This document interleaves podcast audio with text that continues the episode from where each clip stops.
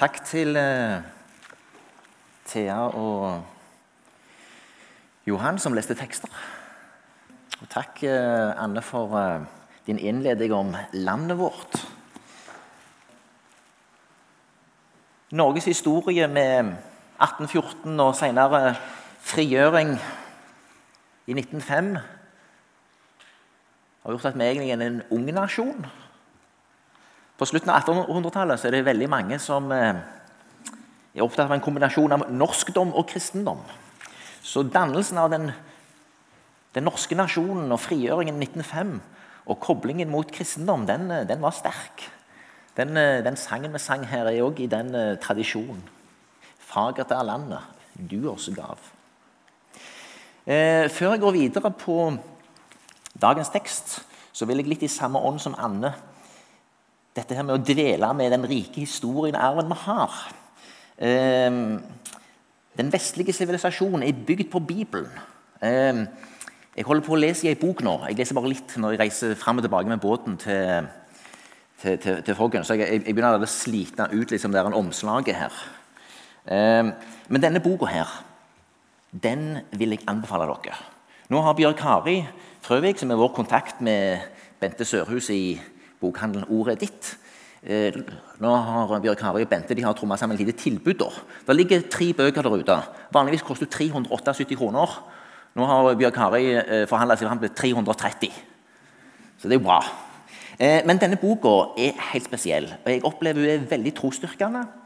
Og hun er da skrevet av en inder som er blitt kristen, og som har studert bl.a. i Vesten og så ser han så tydelig hvorfor Vesten har blitt sånn som de har blitt. Og så, og så heter boken nå 'Boken som skapte din verden'. Hvordan Bibelen formet den vestlige sivilisasjonens sjel. Denne boka er veldig sånn, eh, skaper tror jeg, en fornyet frimodighet på vegne av eh, det vi kanskje intuitivt vet. Men denne inderen han skriver det eksplisitt. Han viser det med historiske eksempler på en veldig fin måte. Og jeg tenker Boka kan også være god kanskje hvis dere kjenner noen som er i en studiesituasjon. Ofte så skjer det når du kommer inn i studier. Veldig mange sånne tankebygninger endres. Eh, vårt oppdrag er jo å ta tankebygninger til fange under Kristus. Jeg opplever denne boka gjør det. Så det å gi denne boka til noen ungdommer som kanskje er i en studiefase, eh, eh, tror jeg kan være en god ting. Tre bøker der ute. 330 kroner i dag. Det var dagens salgspitch. Så går vi over til eh, søndagens tekst, som står i eh, Johannes 14. Kapittel 14, ja, og vi leser versene 1-11. La ikke hjertet bli grepet av angst. Tro på Gud og tro på meg. I min fars hus er det mange rom. Var det ikke slik, hadde jeg sagt dere det. For jeg går for å gjøre i stand et sted for dere. Og når jeg har gått bort og har gjort i stand et sted for dere, vil jeg komme tilbake og ta dere til meg, så dere skal være der jeg er.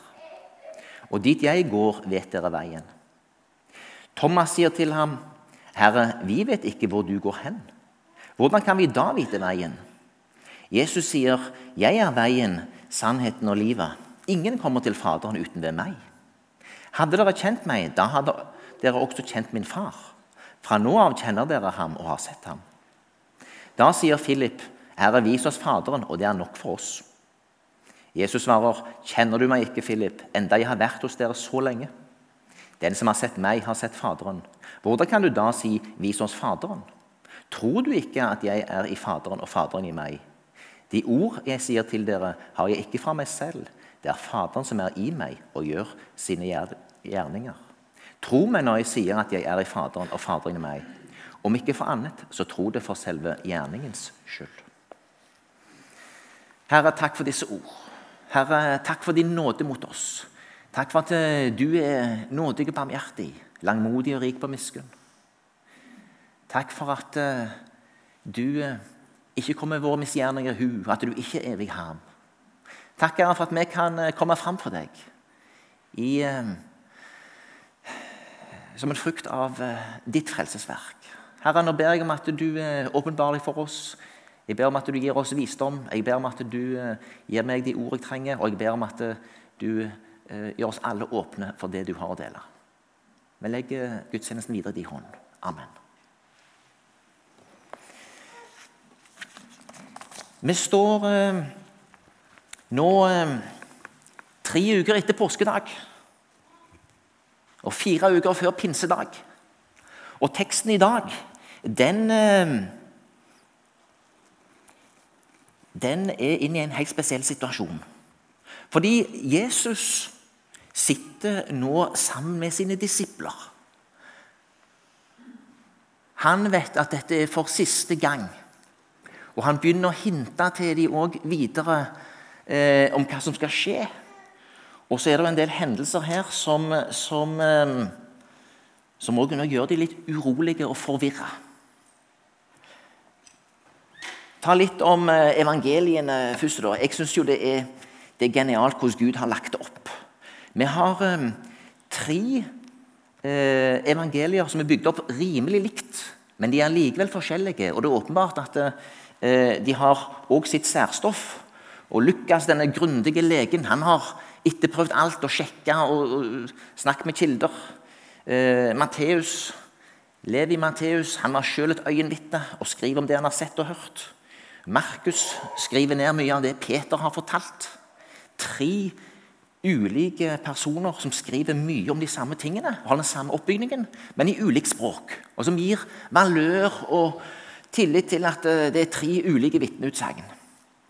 Og de bygger du opp med eh, Jesu fødsel, alle hans undergjerninger, eh, mye av det han sa, og eh, eh avslutter etter hvert med å eh, oppsummere om Jesu død og oppstandelse. Johannes evangeliet det er veldig annerledes. Johannes bruker ikke tid på Jesu fødsel. Han går rett på i begynnelsen av ordet. Det kan han gjøre, for han skriver en del år etterpå. Han vet at dette er noe godt dokumentert. Han bruker ikke tid på det. Han bruker tid på å bygge opp en, bygge opp en helt annen tilnærming. Og han var tett på Jesus, disippelen som Jesus hadde kjær, kan han skrive om seg sjøl. Så i Johannes-evangeliet begynner allerede fra ja, Det er 21 kapitler. For allerede fra kapittel 11 så begynner Johannes å tune seg inn mot påsken. Da er det um, først uh, Jesus oppvekker Lasarus, og så blir det litt sånn oppstand der. og Jesus trekker litt ut uh, fra området og er en stund uh, litt, litt lenger vekke. Kommer tilbake igjen seks dager før påske, og så utfolde seg. Og Allerede fra kapittel 12, eller fra kapittel 13 og til 17, eh, altså 13, 14, 15, 16, 17, disse fem kapitlene, så er Jesus sammen med sine disipler og spiser påskemåltidet. Og han forteller litt til dem. Og han hinter litt. Og Det gjør han av ulike grunner, som vi skal komme tilbake til. Men jeg vil begynne allerede i kapittel 13, vers 1. Det var like før påskehøytiden, og Jesus visste at hans time var kommet da han skulle gå bort fra denne verden til Faderen. Han hadde elsket sine egne som var i verden, og han elsket dem helt til det siste. Så fint. Han var glad i sine. Han var glad i sine disipler. Han hadde elsket sine egne som var i verden, og han elsket dem helt til det siste. Det måltidet som han nå holder sammen med dem, det, det anser han som litt viktig. Nå oppsummerer han litt. Eh, og så skal det skje en del sjokkerende ting som de ennå ikke forstår, som gjør at han har behov for å samle dem litt i forkant. Og så hva gjør han videre? Han vasker føttene deres. Når jeg som er Herren og Mesteren har vasket deres føtter, så må også dere vaske hverandres føtter. Jeg har gitt dere et forbilde. Slik jeg har gjort mot dere, skal også dere gjøre. Den som vil være stor blant dere, skal være de andres tjener. Og den som vil være den fremste blant dere, skal være de andres trell. Denne veien, det med å tjene hverandre, det er altså det første Jesus demonstrerer når han samler de til dette måltidet. Og det syns jeg eh, eh, det er fint å se òg her i Salem og i Norsk Luthers Misjonssamband. Jeg ser mange trofaste tjenere Det er mye lojalitet, god pliktetikk. Eh, og jeg er svært takknemlig til alle dere som tjener trofast. Og Det er jo òg opplista som en av eh, nådegavene i 2. Korinterbrev kapittel 12. Så, eh, så, står det om dette at Gud satte i kirken først noen til apostler, for den andre profeter, for det tredje lærere, deretter mektige gjerninger, nådegaver til helbrede, hjelpetjenester, styringsoppgaver, ulike slag av tungetale. Disse hjelpetjenestene og styringsoppgavene de er ikke uvesentlige, og de kan engasjere mange. Og jeg opplever Her i Salem så er det mange som er engasjert i ulike former for hjelpetjenester. Og jeg takker dere alle sammen for det. Og det er et, en direkte oppfølging av det første Jesus demonstrerer. Så går vi videre. En litt sjokkarta sak med Judas, forræderen, som nå går ut. Og nå begynner de å bli enda mer forvirra. Og Jesus sier da videre.: Enda en liten stund er jeg hos dere. Dere skal søke meg. Men det jeg sa til jødene, sier jeg nå igjen. Dit jeg går, kan dere ikke komme.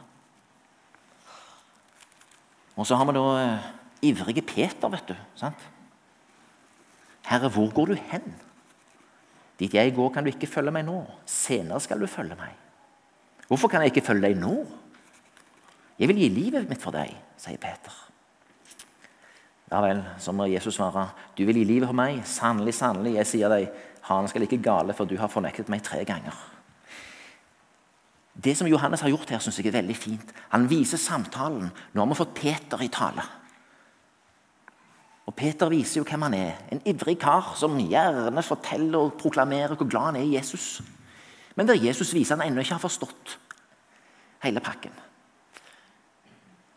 Og så går vi over på det som vi nå har lest. De er forvirra, de er engstelige, men Jesus sier til dem, la ikke hjertet bli grepet av angst. Tro på Gud og tro på meg. I, far, I, min fars hus er det mange rom. Var det ikke slik, hadde jeg sagt dere det. For jeg går for å gjøre et stand et sted for dere. Og når jeg er gått bort og har gjort et stand et sted for dere, vil jeg komme tilbake og ta dere til meg, så det skal være der jeg er. Og dit jeg går, vet dere veien. Men så ser vi òg da hvor begrensa åpenbaringen ennå er. Thomas kom med denne. 'Herre, vi vet ikke hvor du går hen.' Hvordan kan vi da vite veien? Jeg er veien, sannheten og livet. Ingen kommer til Faderen uten ved meg. Hadde dere kjent meg, da hadde dere også kjent min far. Fra nå av kjenner dere ham og har sett ham. Og så har vi Philip, da. Det snakker om Faderen her. Herre, vis oss Faderen, og det er nok for oss. Du og du, Johannes maler ut dette her. Her har de vært med han i tre år. Men, men, men, Johannes viser bare her nesten hvor lite de egentlig hadde forstått. Eh, og det, virker, det, kan virke som at det, det, er et av hovedpoengene her å vise hvor lite de har forstått. Han refererer for denne samtalen. Eh, og det er jo litt sånn at vi kan lure, vi òg. Eh, herlighet, hadde de ikke forstått mer? Men eh, det er ikke bare bare. For det som skal skje, er så enormt. Og det var ikke noe som hadde kommet opp i noen menneskelig tanke. Og Det viser og illustrerer jo òg at rent menneskelig å forstå det Jesus gjorde på korset, og hans oppstandelse, det er så langt utenfor fatteevne at det å forstå det i forkant, det var nok så å si umulig. Nå sitter vi her med fasiten, men vi sitter med utfordringen både å la dette få full forståelse eh, og få full eh, betydning i våre egne liv. Og vi sliter med å formidle det til våre omgivelser. Og vi ser at eh, vi ligner på Peter, på Thomas og på Philip. Som ikke nødvendigvis hadde forstått så mye, men som var helt avhengig av åpenbaring, av Jesus som veilederen. Kjenner du meg ikke, Philip, enda jeg har vært hos dere så lenge? Den som har sett meg, har sett Faderen. Hvordan kan du da si 'vis oss Faderen'? Tror du ikke at jeg er i Faderen og Faderen i meg? De ord jeg sier til dere, har jeg ikke fra meg selv. Det er Faderen som er i meg og gjør sine gjerninger. Tro meg når jeg sier at jeg er i Faderen og Faderen i meg. Om ikke for annet, så tro det for selve gjerningens skyld.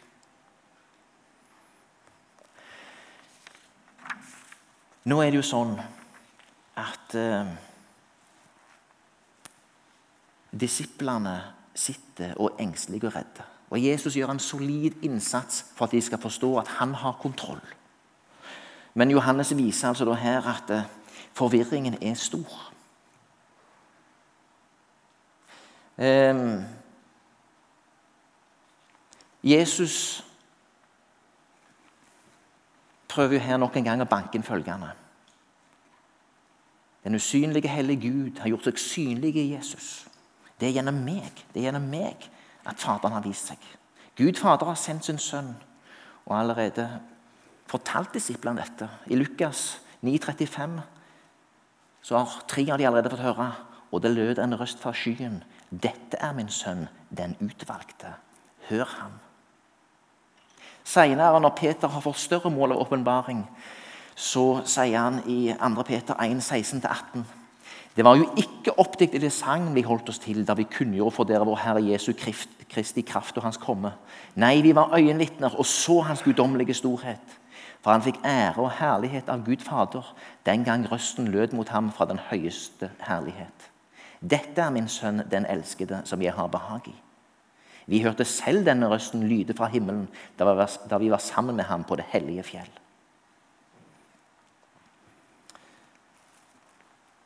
Jesus må altså fortelle Philip den som har sett meg, har sett Faderen.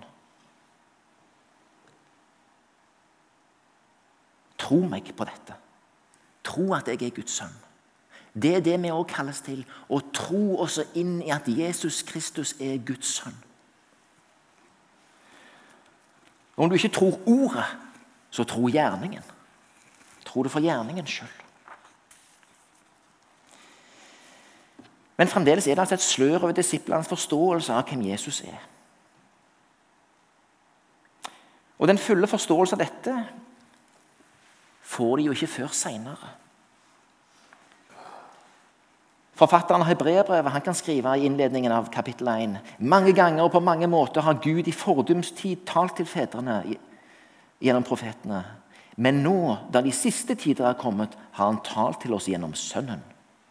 Ham har Gud innsatt som arving over alle ting, for ved ham skapte han verden. Han er en utstråling av Guds herlighet og bilde av hans vesen, og han bærer alt ved sitt mektige ord. Da han hadde fullført renselsen for våre synder, satte han seg ved majestetens høyre hånd i det høye. Dette kan forfatteren av Hebreerbrevet si i etterkant, når en del nye hendelser har skjedd. Dette forteller Jesus de i forkant, men de har virkelig vondt for å se det.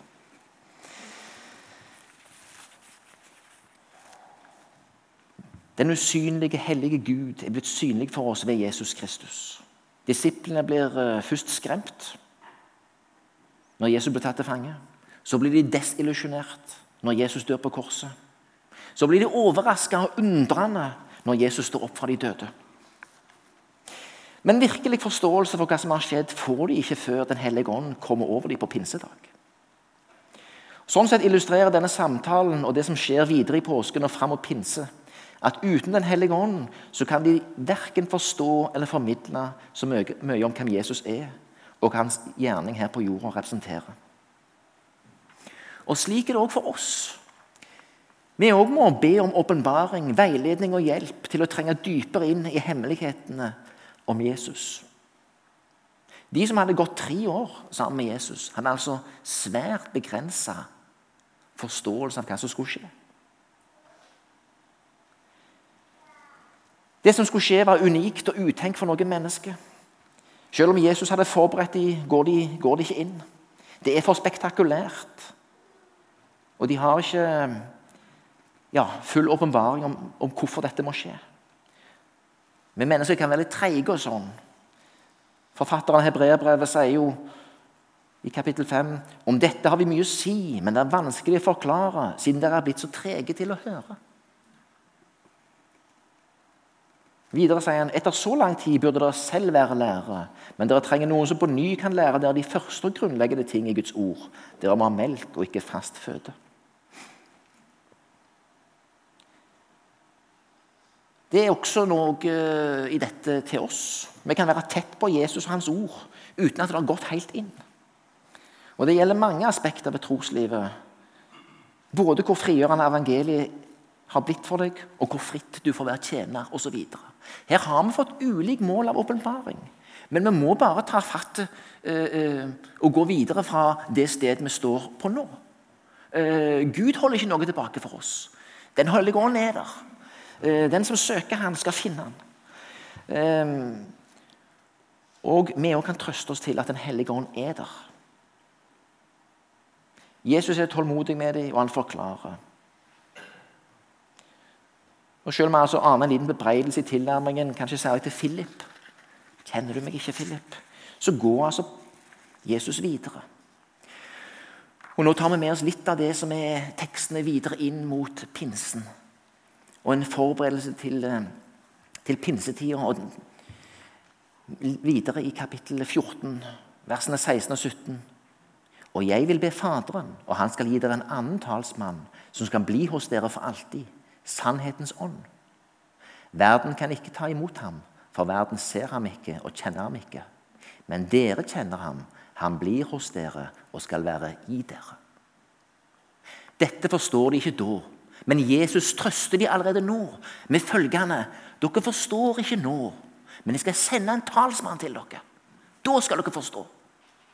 Og Jeg tror vi òg kan ta dette til oss. Ja, men jeg har ikke sett alt og forstått alt. Ja, men Den hellige ånd kan åpenbare det for deg. Vi vil nok leve og se litt stykkevis og delt. Og vi er avhengige av hverandre.